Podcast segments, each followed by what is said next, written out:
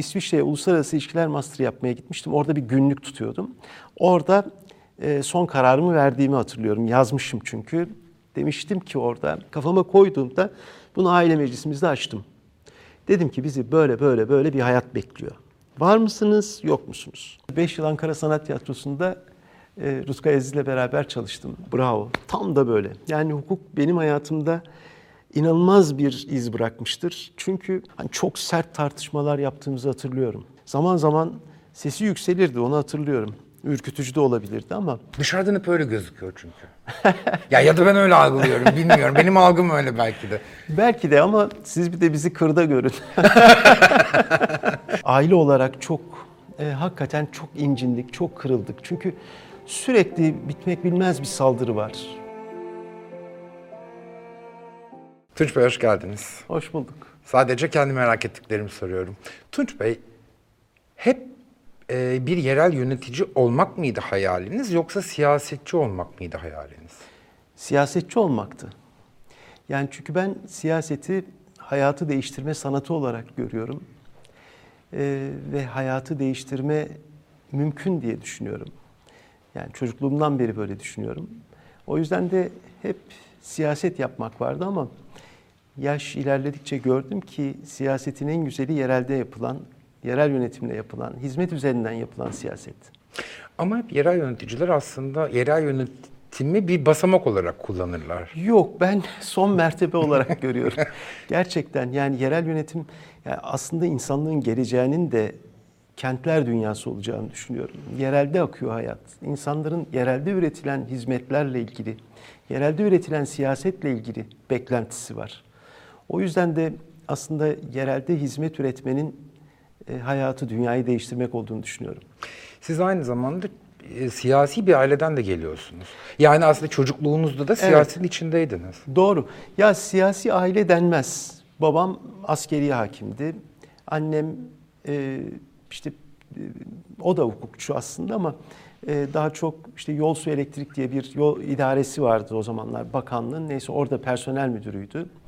Yani siyasetle aslında çok ilgili bir aile değildik ama e, ben yatılı okudum ve orta 2'den itibaren de e, siyasetin hep çok e, göbeğinde hissettim kendimi.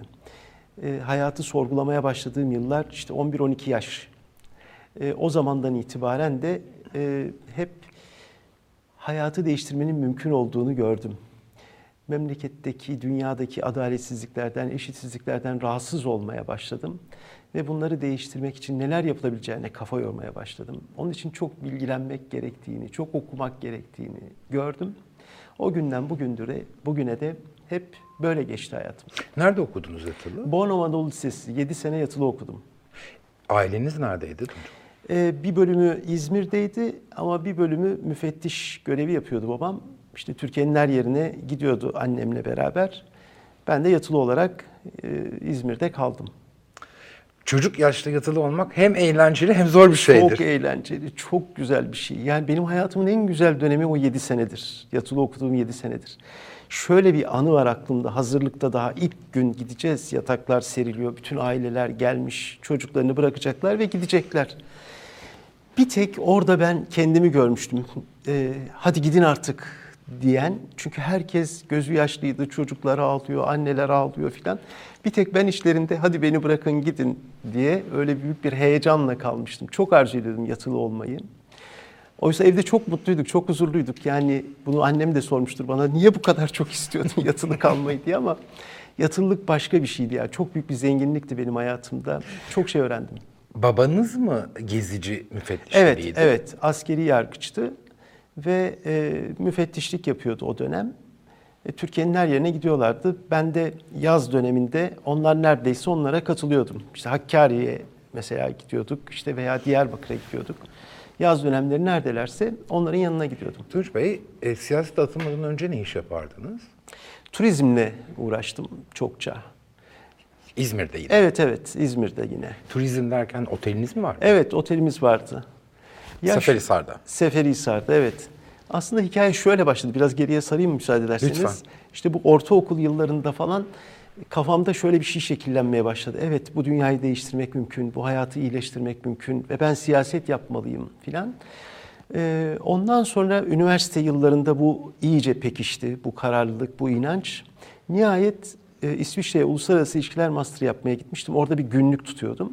Orada son kararımı verdiğimi hatırlıyorum. Yazmışım çünkü. Demiştim ki orada ben 40 yaşına kadar ailemi geçindirecek, parayı kazanacak bir iş yapacağım. Ondan sonra para kazanma hikayesini bir tarafa bırakıp vakfedeceğim kendimi. Türkiye ile ilgili söylemek istediklerim var, onları söyleyeceğim. Bu 10 yıl sapmayla gerçekleşti. 50 yaşında bu mümkün olabildi.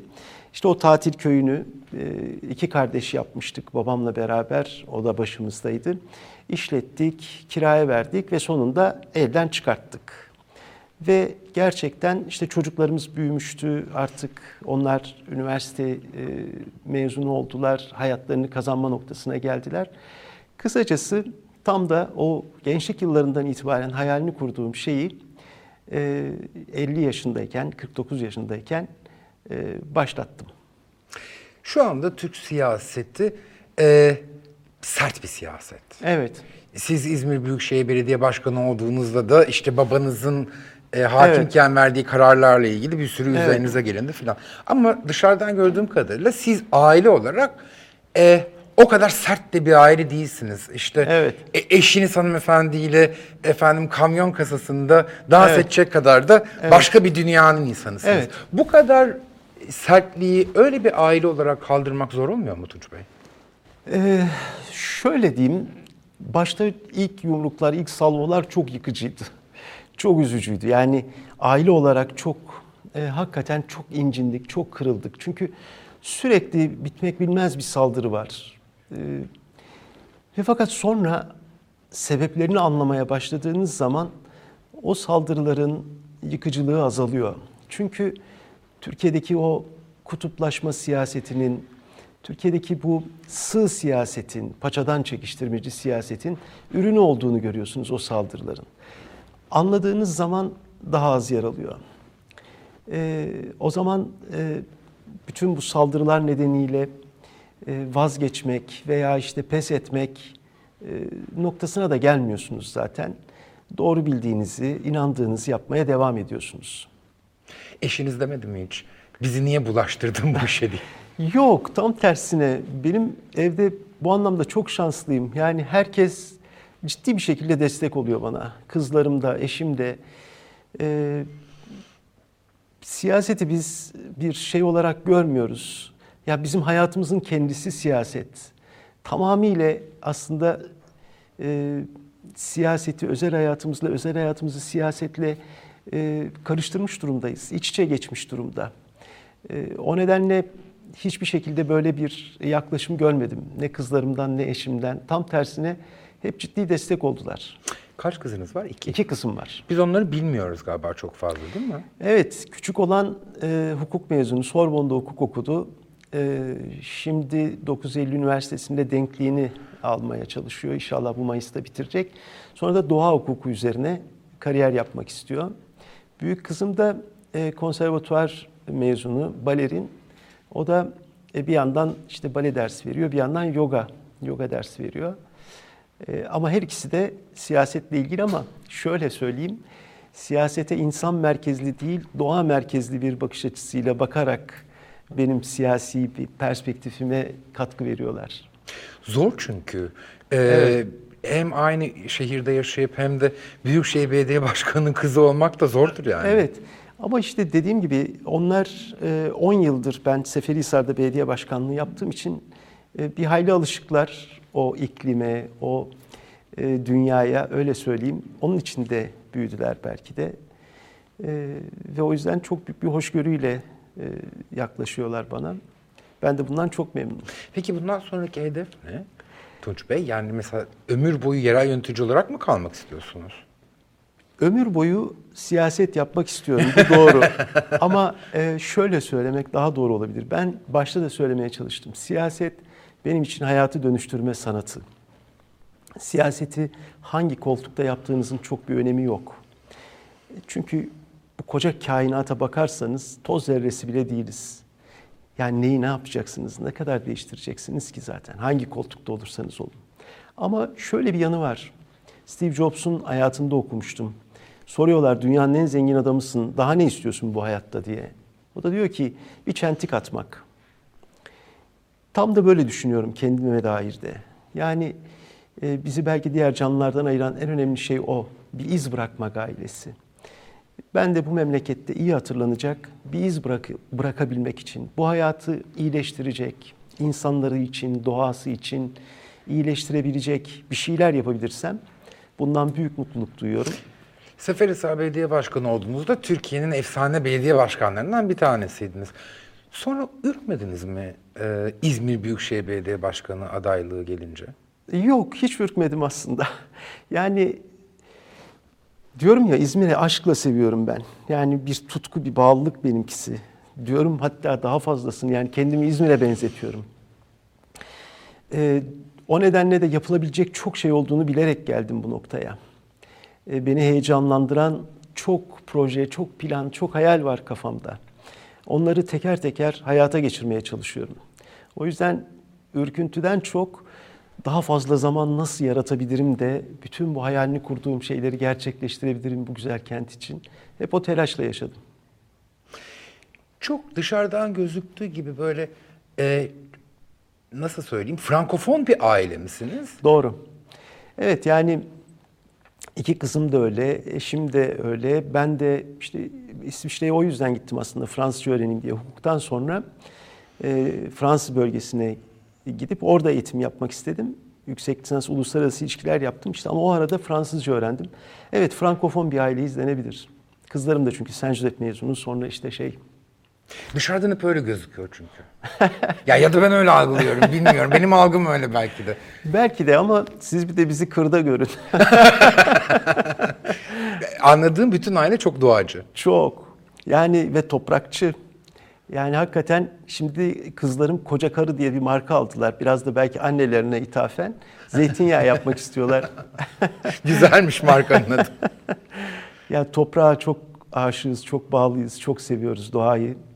Yani doğayla beraber aslında kendimizi buluyoruz. Doğada ne kadar çok vakit geçirirsek o kadar iyi hissediyoruz kendimizi. Çünkü aslında Arman Beyciğim ya biz doğanın ta kendisiyiz. Biz kendimize doğanın dışında bir güç vehmediyoruz ama doğanın üzerinde bir güç vehmediyoruz. Aslında dışarıdaki ağaçtan bir farkımız yok. Yani sonuçta biz de doğanın içinde bir canlıyız ve doğanın bir parçasıyız. O nedenle ne kadar çok doğanın içinde vakit geçirebilirsek o kadar mutlu oluyoruz, mutlu hissediyoruz kendimizi. Doğadan uzaklaştıkça aslında kendimize yabancılaşıyoruz. Tunç Bey, Uluslararası İlişkiler Master'dan önce ne bitirdiniz? Ankara Üniversitesi Hukuk Fakültesi. Siz de mi hukuk mezunu? Evet evet. Ya, Siz de. Ben de evet. Babanıza özendiniz. Evet yani özenmek değil. O zaman devam zorunluluğu yoktu hukukta. Ben de Ankara Sanat Tiyatrosu'nda tiyatro yapmak istiyordum. Hukuk biraz da o yüzden tesadüfen oldu. Yani ben tiyatro yapmak istiyordum Ankara Sanat Sonra Tiyatrosu'nda. ne oldu tiyatro? E, beş yıl yaptım. Öyle mi? onunla- Evet tabii beş yıl Ankara Sanat Tiyatrosu'nda e, Rutkay Aziz'le beraber çalıştım. Oynadınız. Tabii tabii. Ama Ha- daha çok sahne arkasında Rutkay abiye yardımcı olmak niyetinde idim ve onu yapmaya çalıştım. Ama oyunculuk da yaptınız. Oyunculuk da yaptım. Tabii Hangi Sakıncalı oynadın? Piyade, Taktik, Oyun Nasıl Oynanmalı. Onlarda oynadım. Arada özlemiyor musunuz? Tiyatroyu çok seviyorum. Yani çok çok seviyorum hakikaten. E, tiyatro bir ayna tutmaktır ya hayata ve kendine. E, o nedenle çok seviyorum da işte çok fırsat bulamıyoruz bu tiyatroya gidebilmek için. E, eksikliğini hissettiğim şeylerden biri o belki. İzmir'de bir şehir tiyatrosu kurmak istemiyor? Kurduk. Kurdunuz mu? Kurduk. Ha, Kurduk bilmiyordum. tabii. Yeni ama çok yeni daha geçen ay Şubat'ta e, genel sanat yönetmeni Yücel Erten olarak görevlendirdi. Bir jürimiz vardı. İşte şartnamesi, şeyi hepsi bitti, tamamlandı artık. E, Dünya Tiyatrolar Günü'ne de 27 Mart'ta da e, lansmanı, açılımı yapılacak. Hep sahne tozu yutanlar sahneyi unutamaz derler. Öyle mi Tunç? Doğru. Gerçekten doğru ama. Çıkmak istiyor musunuz arada? o kadar değil, eskisi gibi değil ama izlemekten büyük keyif alıyorum. Eşinizle nerede tanıştınız? Tiyatro. O da mı? tabii tabii. İşte ben bu Ankara Sanat Tiyatrosu'nda 5 yıl e, çalıştım. O arada çevre e, işte üniversitelerde, kentlerde böyle tiyatro çalışmalarına da hep Ankara Sanat Tiyatrosu'ndan arkadaşları yönetmen olarak davet ederlerdi falan. Benim de bir arkadaşım Ege Üniversitesi Tıp Fakültesi'nde, e, tıp, tıp değil, Fen Bilimleri Fakültesi'nde e, bir tiyatro grubu kurmuş ve orada işte Rumuz Goncagül e, oynanıyor. Beni provaya davet etti. Goncagül de Neptün Hanım'dı ve ben orada çarpıldım diyeyim. ilk görüşte aşk herhalde oydu. Sahnede orada benim de havam vardı doğrusu. Yani Ankara Sanat'tan gelmiş işte bizim provayı izliyor falan diye. Neyse öyle başladı yani tiyatro. Ankara Sanat eskinin ne kadar e, Efsane, iyi ve efsane bir sahnesiydi değil evet. mi? Öyleydi gerçekten. Şimdi kapandı maalesef. Pandemi döneminde. Ee, evet yani maalesef salonlarından çıktılar. Ee, çok tatsız bir noktaya geldi. Çok üzücü. Ya işte bunlar bizim aslında e, maalesef elimizden akıp giden, kayan ve aslında sımsıkı sahip çıkmamız gereken e, kilometre taşları. Tiyatroya ilginiz nereden başladı?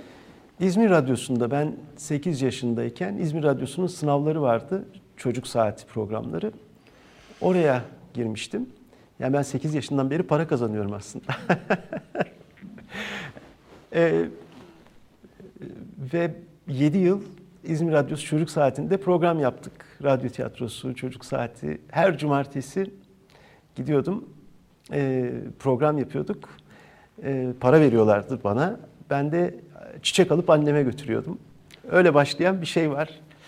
Ee, ve o devam etti işte lise sona kadar, yatılı okul bitene kadar devam etti. Sonra Ankara faslı başlayınca işte Ankara Sanat Tiyatrosu. Öyle Tunç Bey, içinizdeki bu sanat aşkı kimden? Ee, yani öyle bir isim vermek çok zor belki ama dediğim gibi bu orta ikide başlayan benim büyük değişim hikayem çok kitap okumama e, zemin yarattı. Yani çok kitap okudum. Kitabı çok severek okudum. Ya hala her gece mutlaka hani bir 15 sayfada olsa, 30 sayfada olsa ne kadar okuyabiliyorsam başımda mutlaka kitap okuyorum. Kitap okumayı çok seviyorum. E, Her kitap ayrı bir dünya açıyor, ayrı bir ufuk açıyor zihninizde, hayallerinizde. Belki de onlar etkili olmuştur, bilemiyorum. Yani hani somut şu nedenle sanata bu düşkünlük demem zor. Ama herkesin payı var. Çünkü hani radyoya gitmek anneniz dememiştir muhtemelen. Hani Yok, evet doğru aslında.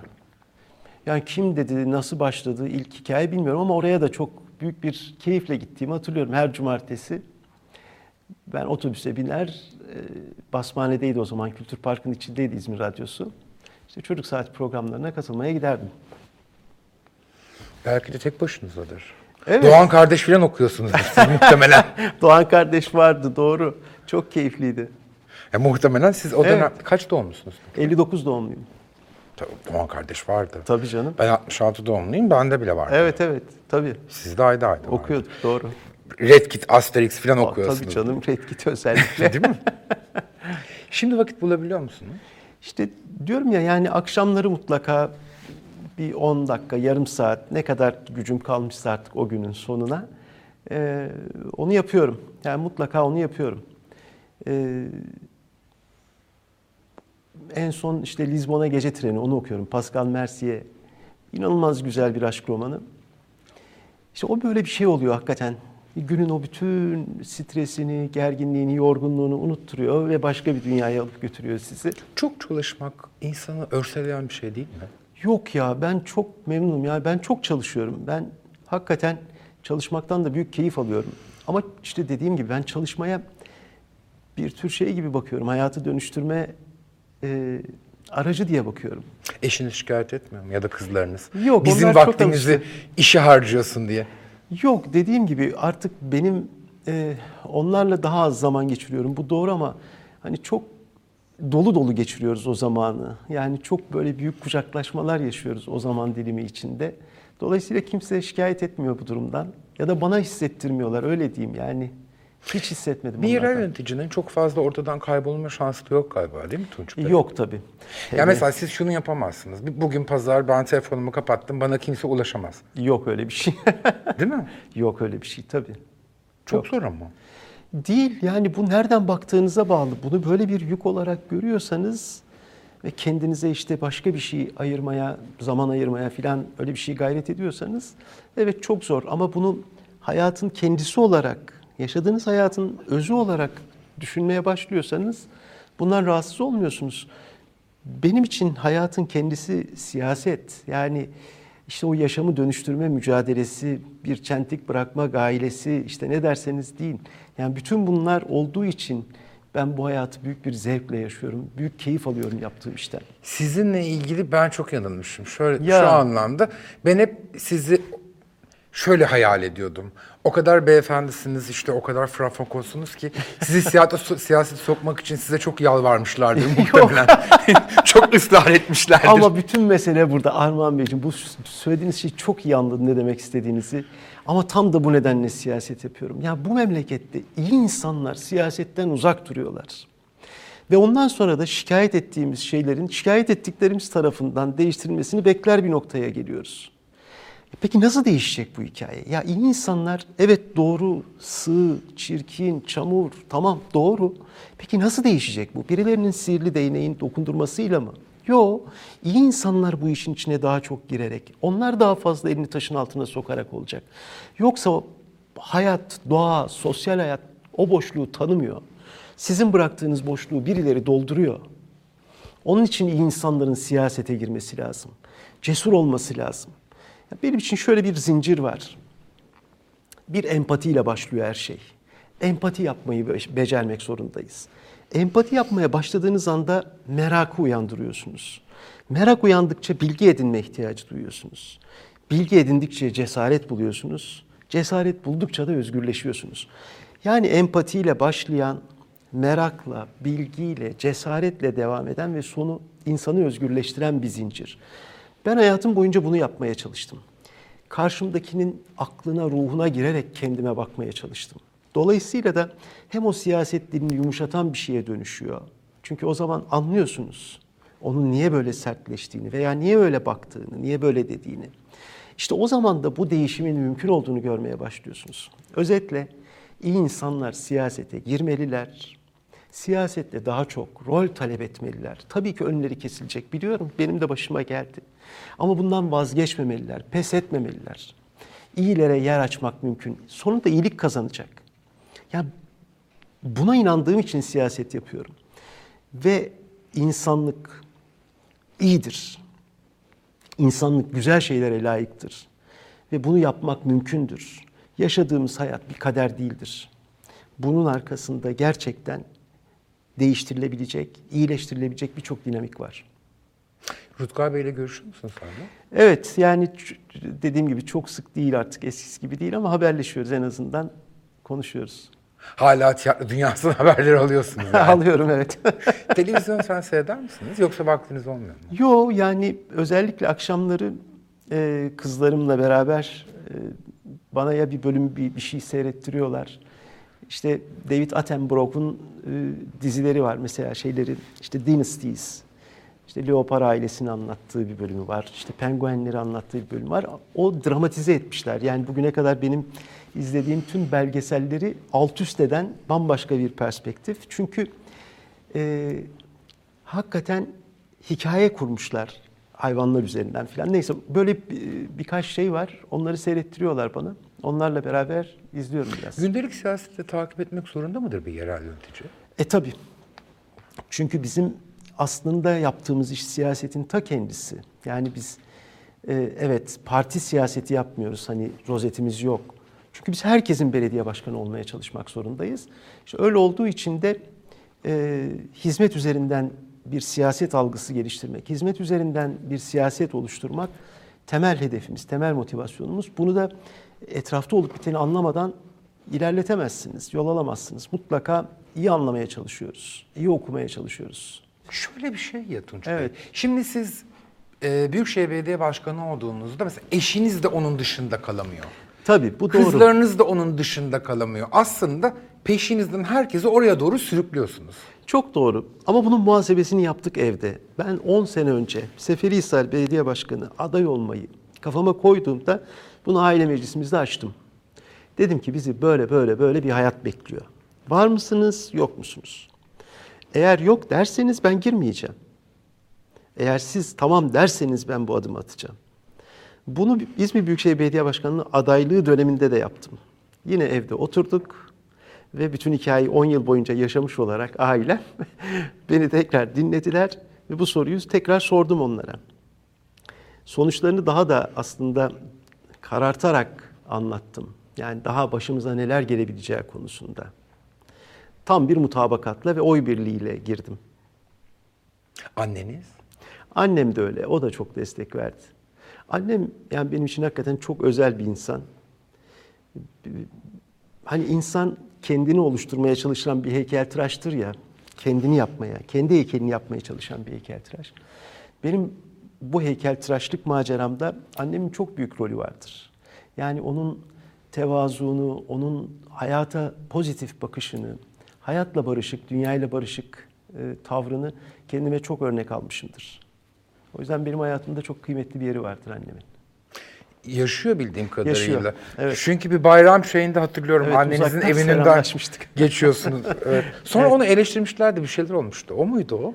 Bitmiyor ki eleştiri. Acaba hangisiydi? Bilmiyorum. Bir tane bir Sürekli bir şey hatırlıyorum. buluyorlar. Biz neredeyiz mi? Ha öyle bir şey evet. Ya orada açık arabayla işte e, kutlama yapıyoruz, geçiyoruz. Bütün ara sokaklardan da giriyoruz, çıkıyoruz. E sonuçta bizim ilçelerimiz de birbirine sınırdaş zaten. Hani hangi, hangi ilçeden hangi ilçeye geçtiğinizi bilemediğiniz noktalar olabilir. Çünkü çok iç içedir hakikaten. Yani hala Buca'da mıyız? Karabağlara geçtik mi, geçmedik mi? Onu soruyorum. Bir de bir belediye başkanı olmak Evet. demek bütün şehri sokak sokak bilmek anlamına Tabii, gelmiyor ki. Zaten mümkün de değil. Yani her sokağına girdim, her köşesini biliyorum diyemez. Hele 4,5 milyonluk bir şehirde. Mümkün, değil. Mümkün yani. değil ki. Doğru. Yani Evet. hiç kimse bence dünyadaki hiçbir belediye Yok, başkanı evet. bilmiyordur. ha, ufak bir kasabanın belediye E, başkanı canım. değilse. E tabii yani tabii ya şimdi Seferihisar'ın ben her taşını bilirim doğru. Ama 40 bin nüfuslu bir ilçedir Seferihisar. E burası 4,5 milyonluk bir şehir devasa bir şey yani. Kınık'ın köyünden işte Kozak Yaylası'na aşağıda Urla'nın e, işte ya hakikaten çok büyük bir coğrafya İzmir. E tabii de Bergama'ya kadar, Dikili'ye Evet, kadar Dikili'ye hatta. kadar doğru. Değil mi? Dikili de Tabii, İzmir'e tabii. bağlı. Dikili, Kiraz işte hepsi İzmir'e bağlı bunların. Bırakınca siyaseti ne yapacaksınız? Bey? Toprak. Toprakla uğraşmaya devam edeceğim. İzmir'de mi yine? E, tabii. Yani İzmirliyim ben. Yani e, toprağımı da çok seviyorum. Şimdi Ulamış'ta bir ev yaptık. Ee, Seferihisar'ın köyüdür Ulamış. Ee, henüz daha elektriği yok. Güneş enerjisiyle e, şey yapıyoruz. Elektrik ihtiyacını karşılıyoruz. Ama alıştık. Hafta sonları oraya gidiyoruz. Kızlarla beraber. Ee, orada yaşamaya devam edeceğim. Deminden beri e, yaklaşık yarım saattir ya da yarım saati geçkin konuşuyoruz. Ağzınızda daha çok anneniz var. Gerçekten mi? Evet. Aa. Hep annenizden söz ediyorsunuz. Anladığım kadarıyla hayatınızda anneniz babanızdan daha belirleyici. Ya babam daha otoriter ve şey bir kimlikti. Ee, askerdi. Annem de hep o, evde huzurun bozulmaması için, huzurun kaçmaması için denge unsuru olmaya çalıştı. Bak çok, çok doğru bir şey söylediniz. Bana da ortaokulda, lisede arkadaşlarım e, orta yolcusun sen derlerdi. ya hep e, biraz ondan biraz bundan filan yapıyorsun diye. Galiba bu biraz anneme borçlu olduğum bir şey. Sonunda orta yolculuğun fena bir şey olmadığını da gördüm zaten. Ama bu dengeyi tutmak, e, her iki tarafı da anlamaya çalışmak, her iki taraf arasındaki ortaklıkları gün ışığına çıkartmak. Bunlar galiba biraz annemden aldığım şeyler. Çok mu sertti babanız Tunç? Efendim? Çok mu sertti babanız? Öyle görünürdü ama o kadar değildi. Çünkü daha ben orta ikideyken, orta üçteyken hani çok sert tartışmalar yaptığımızı hatırlıyorum. Dinlerdi, sonuna kadar e, tartışırdı. Zaman zaman sesi yükselirdi, onu hatırlıyorum. Ürkütücü de olabilirdi ama sonunda dinlemeye özen gösterirdi. Konuşturmaya özen gösterirdi. Ya o kadar otoriter değildi doğrusu. Asker olmanın getirdiği İşte biraz o vardı evet. Ama çok demokrat bir adamdı. Yani kendisini sosyal demokrat olarak tarif ederdi. Yani ben sosyal demokratım derdi. Hatta pardon solcuyum derdi. Solcuyum derdi. Benim kafamda sosyal demokrattı bir parça. Ama öyle bir yanı vardır. Yani dinlerdi, konuşurdu, anlamaya çalışırdı, merak ederdi, okurdu. İyi özellikleri çok olan bir insandı. Başka kardeşiniz var mı? Evet bir kardeşim var. Erkek kardeşim var. Benden bir buçuk yaş, 13 ay küçük. O İzmir'de. O da hukukçu. O da o da Galatasaraylı sizin gibi. Ben Galatasaray Sonra- değilim. Aa ben Galatasaray'ı Yok, biliyorum. Aa, Değilim. Ben devlet lisesinden mezunum. öyle mi? O Galatasaray mezunu. Sonra Ankara Hukuk. Ondan sonra gitti Fransa'da bir de gazetecilik okudu o. O da Frankofon doğru bak. Onun eşi de öyle, çocukları da öyle doğru. Ama bütün aile hukukçusunuz. evet evet Ma aile o da öyle. Ama yapan da yok anladığım Yok evet. Hiç kimse Çok de doğru. Yok. Belki küçük kız işte bir akademisyenlik düşünebilir. Defne o Sorbon'da hukuk okuyan kızımız. O akademisyenlik düşünebilir, hukukçuluk yapabilir. Ama hukuk fakültesinin ya da üniversite okumanın insana verdiği en iyi şey bir nosyondur aslında. Bravo. Tam da böyle. Yani hukuk benim hayatımda inanılmaz bir iz bırakmıştır. Çünkü hayata bakış açımda çok etkili olmuştur. Ee, çok doğru bir tespit. Ben aynen böyle düşünüyorum. Yoksa hani Evet. yani bitirdim illa da yapacağım diye bir şey de Yok. önemli değil bence. Aynen. Siz de yapmıyorsunuz. Ben de yapmıyorum. yapıyorum ben şu anda. Gerçekten. Bir, bir hukuk bürosunda çalışıyorum. Aa, Evet. aa bilmiyordum hakikaten. Tabii. Eğlen, hoşuma da gidiyor. çok iyiymiş. Ben çok uzun yıllar sonra bir hukuk bürosuna geri döndüm. evet yani ben hiç bilmiyorum mesela yaptığınız hakikaten. Yapıyorum. Çok E, iyi. keyfime göre dava alıyorum ama Oh, öyle güzel. bir tarafı var. Süpermiş. O güzel bir konfor yani. Tunç Bey geldiği için çok teşekkür ben ederim. çok teşekkür ediyorum. Ee, sizi başka yönden tanımak bana açıkçası keyif verdi. Ay ne güzel. Sağ olun. Eksik olmayın. Ee, umarım tekrar e, görüşebiliriz. Umarım İnşallah. tekrar karşılaşırız. İzmir'e yolunuz düşerse ben de çok misafir ben Ayvalık'ta yaşadığım için çok sık E, düşüyor gelin benim o zaman yolum. lütfen. Bir Çok akşam oturmak çok ederim. isterim. Çok sağ olun. Ben sağ çok olun. teşekkür ediyorum. Eksik olmayın.